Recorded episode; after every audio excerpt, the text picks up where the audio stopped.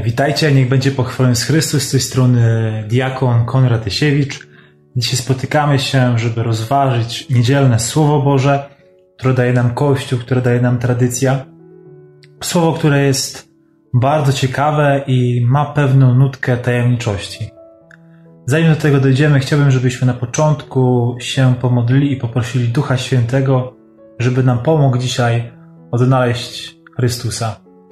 Duchu Święty, prosimy Cię w imię Pana Jezusa, prosimy Cię, Boże Ojcze, w imię Pana Jezusa, daj nam dzisiaj Ducha Świętego, żeby nas poprowadził na spotkanie z Chrystusem, na spotkanie z nami samymi i na spotkanie z drugim człowiekiem. Przyjdź Duchu Święty, przyjdź Duchu Prawdy.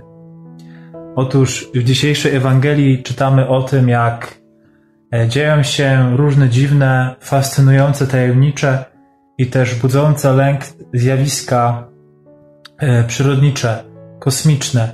Widzimy też, że Pan Jezus dzisiaj mówi o pewnym cierpieniu, e, o zjawiskach przyrodniczych i o Jego powtórnym przyjściu.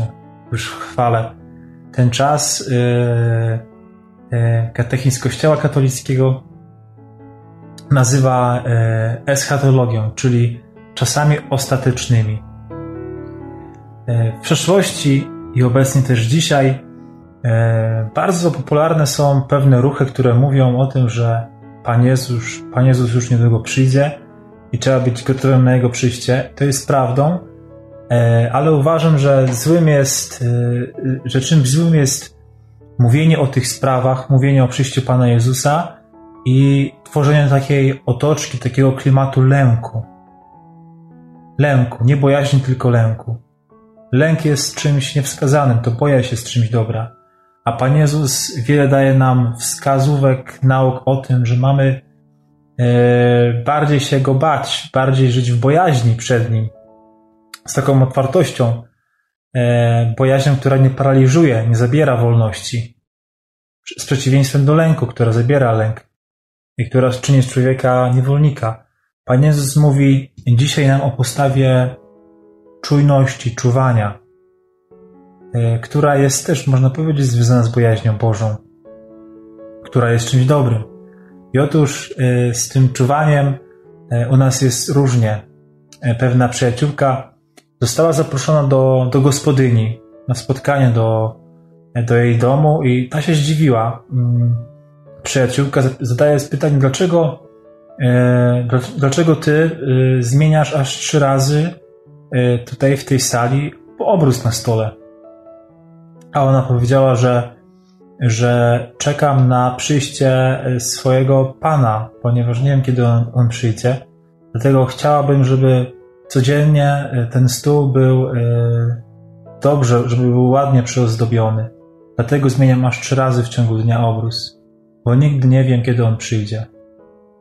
To jest też wskazówka dla nas, dla, dla stanu naszej duszy, dla stanu naszej wiary, naszych relacji, dla stanu, dla konta naszych dobrych uczynków, można powiedzieć. Bo, jak mówi Pismo Święte, ani aniołowie nie wiedzą, kiedy, ani żaden człowiek nie wie, kiedy przyjdzie ponownie Pan Jezus. A najlepiej możemy się przygotować na Jego przyjście poprzez czuwanie, czujność e, w stanie naszej duszy, w naszej świętości, naszej łączności z Panem Jezusem e, i dobrych uczynkach miłosierdzia. To wszystko. E, życzę Wam zgłębiania mm, tajemnicy dzisiejszego słowa, tajemnicy ponownego przyjścia Pana Jezusa, ponieważ to będzie chyba najwspanialsza chwila w naszym życiu, w życiu chrześcijan. Zobaczenie na własne oczy, pierwszy raz żywego Pana Jezusa, żyjącego Jezusa. Dobrego dnia z Panem Bogiem. Niech Duch Święty nas usposobi do czuwania i niech nas doprowadzi, niech nas przygotuje i niech nas zaprowadzi na ponowne przyjście Pana Jezusa z Bogiem. Zapraszamy do subskrypcji naszego kanału. Śledźcie nas na bieżąco.